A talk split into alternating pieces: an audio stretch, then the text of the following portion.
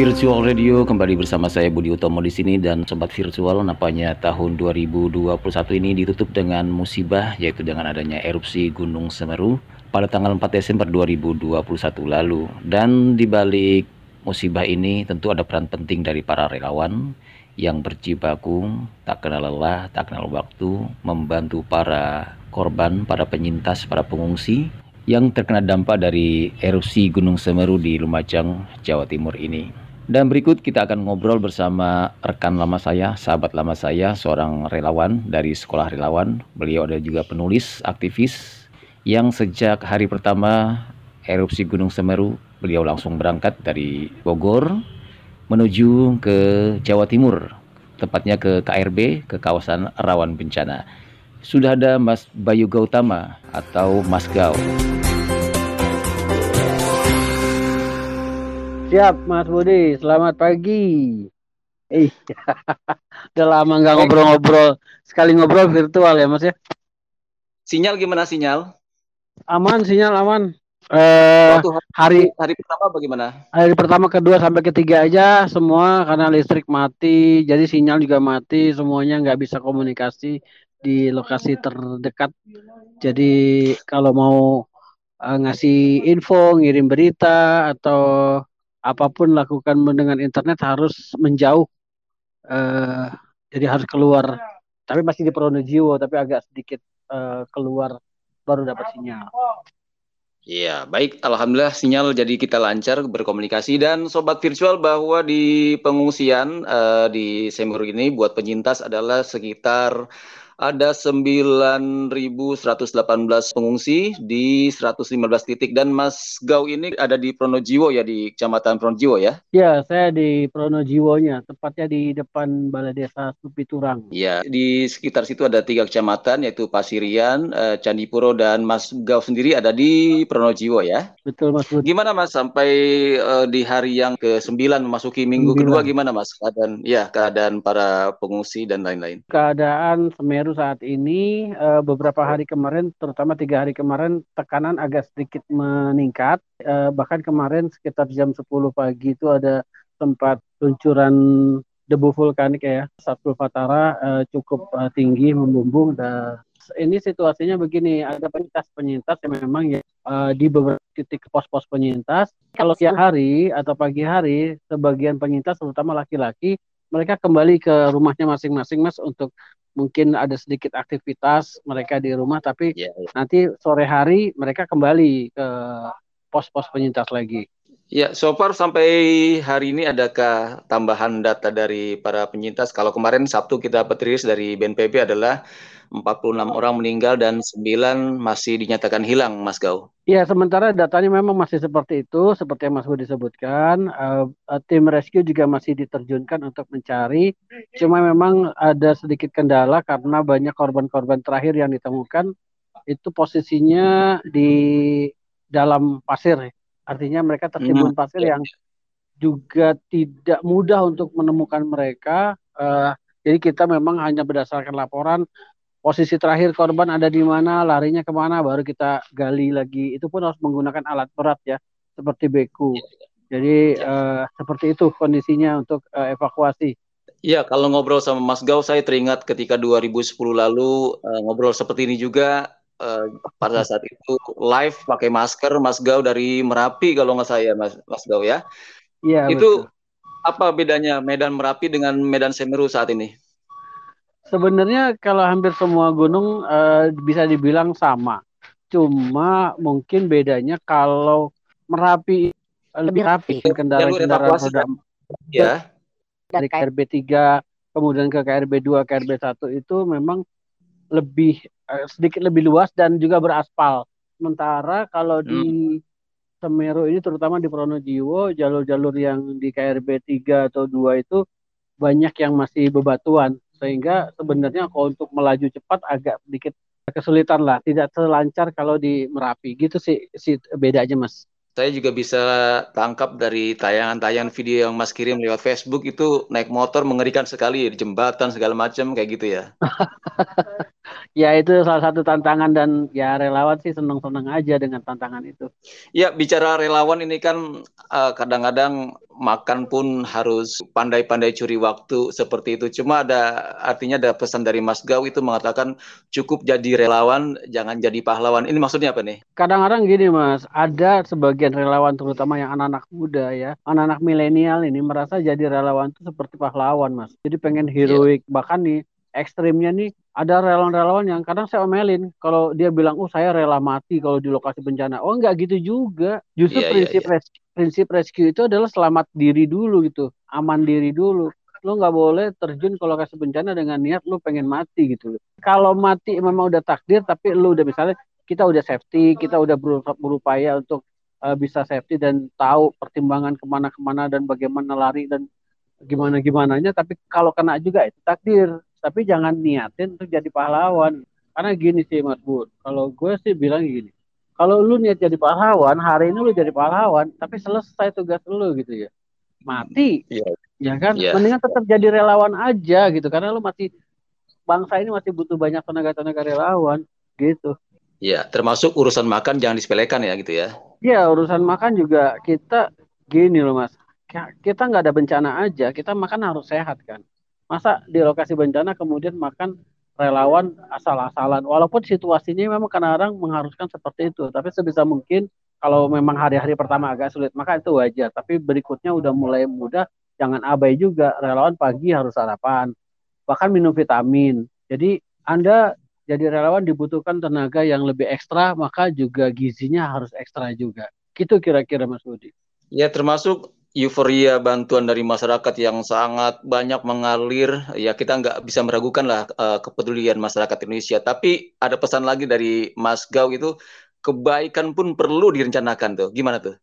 Iya Mas. Ini fenomena yang terjadi di Semeru ini kan bencananya memang besar bencananya besar. Cuma memang dampaknya juga tidak sebesar kayak misalnya di Merapi. Merapi kan empat kabupaten tuh ya yeah, tidak sebesar yeah. itu tapi memang euforia masyarakat luar biasa ini kita apresiasi ya kebaikan-kebaikan orang-orang Indonesia ini memang luar biasa makanya TAF menobatkan Indonesia sebagai negara paling dermawan sedunia wow. itu luar biasa kan yeah. uh, tiga yeah. tahun berturut-turut dari 2017 sampai 2020 uh, eh, predikat yeah. itu uh, melekat di Indonesia tapi ya yang namanya kebaikan juga harus didesain direncanakan dan apa dilakukan dengan cara yang benar dan baik juga gitu. Asal datang bawa bawa bantuan tapi nggak ada koordinasi, nggak ada perencanaan, akhirnya ya seperti sekarang nih eh, di sini di Pronojiwo atau di Candipuro itu bantuan sembako aja itu melimpah, melimpah yeah. ruah. Bahkan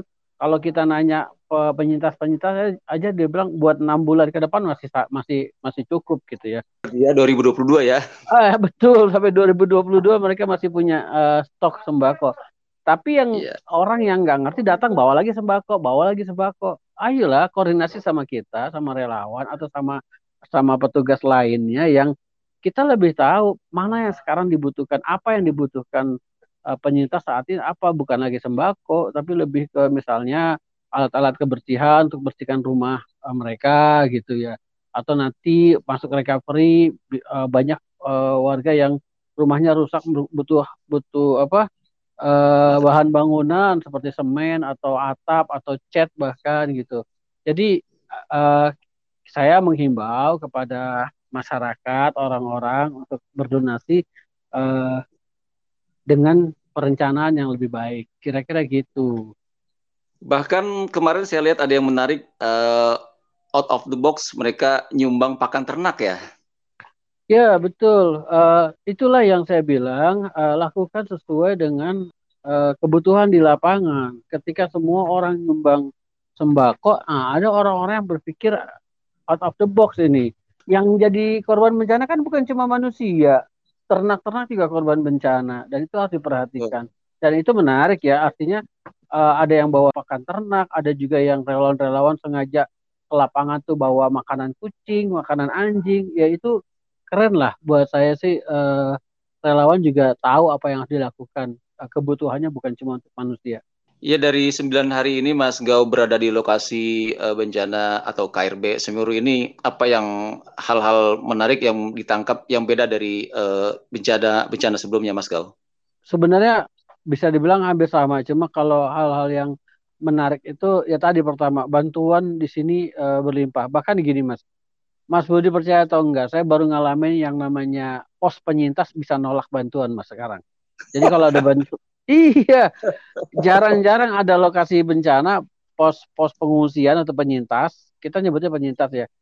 Pos penyintas yeah. itu eh, nolak bantuan sembako atau jenis makanan apa pun eh, ditolak kecuali memang nggak ada ya.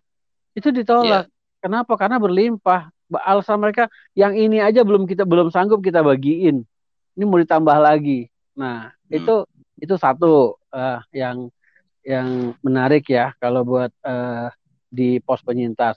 Kemudian yang sekarang juga relawan mas, jumlah relawan tuh alhamdulillah luar biasa, banyak animonya juga tinggi dengan berbagai satuan, berbagai elemen masyarakat dan itu berlimpah. Sehingga bagusnya adalah kita bisa bergiliran mas, bisa bergantian siapa hari ini tugas ke lapangan, evakuasi, kan ada yang perlu istirahat juga. Ya ini menarik uh, ini menunjukkan bahwa bangsa Indonesia nggak kehabisan orang-orang baik.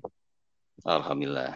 Ya, Mas, ketika terjadi bencana ini kan sebagai relawan, eh, kita secara pribadi kan standby 24 jam gitu kan ya. Iya. Ini bagaimana sih ketika kita keluar eh, ada panggilan dan keluarga dalam keadaan masih tidur tengah malam seperti apa Mas? Eh, izinnya, ngomongnya segala macam seperti itu, melepasnya keluarga untuk kita berangkat seperti apa, Mas? Iya iya iya. Sebenarnya gini di kalangan relawan tuh kan udah hafal nih bencana itu kan sebenarnya ada ada ada musim-musimnya gitu ya. Desember awal Desember sampai akhir Desember akan nah itu bisa banjir bisa bisa uh, bisa yang lainnya tapi itu artinya udah warning dulu teman-teman siaga. Kedua sih uh, uh, kalau buat relawan kami ya kebanyakan 80% jomblo uh, jomblo akut. Jomblo yang nggak punya pasangan jadinya nggak pernah nggak perlu izin apa-apa. Jadi mereka standby terus gitu ya. Tapi buat yeah. yang berkeluarga seperti saya misalnya alhamdulillah yeah. karena memang sudah sudah hafal sih kalau istri anak-anak udah hafal. Bahkan dalam beberapa kesempatan kalau ada bencana dan saya masih di rumah anak saya protes sih ngapain orang ada di sini? gitu. Oh bencana Ya, ya, malah ya. di malah diusir saya.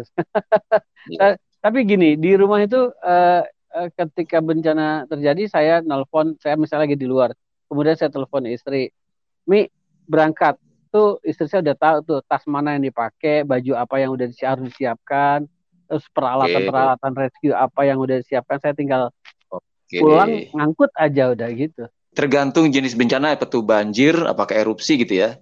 Betul, betul. Bawa apanya? Oh, kalau perlengkap itu kan perlengkapan pribadi, Mas. Itu standar ya, ya. APD-nya standar. Kalau yang perlengkapan-perlengkapan rescue-nya biasanya di base camp nih, di base camp sekolah relawan. Uh, tim yang di sekolah di base camp udah tahu nih bencananya erupsi berarti alatnya apa yang dikeluarin dari gudang gitu. Uh, kalau anak sendiri sudah terlatih soal kepakaran sosial seperti itu ya? Alhamdulillah mas saya mendidik anak-anak dari kecil sejak usia dini mereka juga harus uh, lakukan kegiatan ke keluarga. Jadi kita berbagi, mau bikin event kah, bikin aksi uh, sporadis kah, uh, tiba-tiba jalan bawa apa gitu ke kampung mana, yaitu kayak gitu. Atau untuk anak saya yang udah usia lebih agak ya, dewasa, uh, lebih udah besar, saya kasih kesempatan mereka untuk ikut saya uh, untuk aksi-aksi uh, kerelawanan. Bahkan waktu Palu ada satu anak saya yang ikut uh, ke sana gitu. Eh, tapi saya nggak minta, dia sendiri yang uh, meminta mengajukan diri gitu. Ya karena lingkungan sudah kondusif di rumah seperti itu ya. Harus harus seperti itu. Dan saya kira semua ya. keluarga, uh, kepala keluarga memang sebaiknya seperti itu mengasah empati setiap kita setiap anggota keluarga. Ya betul. Uh, dalam malam ini Mas Gau akan balik ke Jakarta gitu? Iya, rencana malam ini saya akan uh, balik ke Jakarta karena beberapa urusan yang harus diselesaikan. Lebihnya pasukan kita masih ada 20-an di sini. Ya, sobat virtual Mas uh, Bayu Gautama ini selain sosok aktivis relawan dan juga mengelola sekolah uh, relawan, juga adalah penulis buku. Mas Gau, kapan akan nulis lagi nih bukunya nih? Ditunggu. Sebenarnya tahun kemarin baru rilis lagi satu buku, Mas. Apa judulnya? Tabok Muka Sendiri. Buku ke-9 itu ya. Pesannya apa tuh pesannya tuh? Ya, kadang-kadang kita perlu menabok muka sendiri karena kadang-kadang kita merasa hebat, kadang-kadang kita merasa lebih baik, kadang-kadang kita merasa paling empati, kadang-kadang kita merasa paling senang berbagi, paling banyak berderma, paling banyak sedekahnya padahal di luar sana jauh lebih banyak orang yang lebih baik dari kita. Oke, Mas Gau sehat selalu, semangat selalu. Salam buat keluarga, salam buat tim semua yang di sana, salam buat teman-teman di sekolah relawan dan salam sehat semua.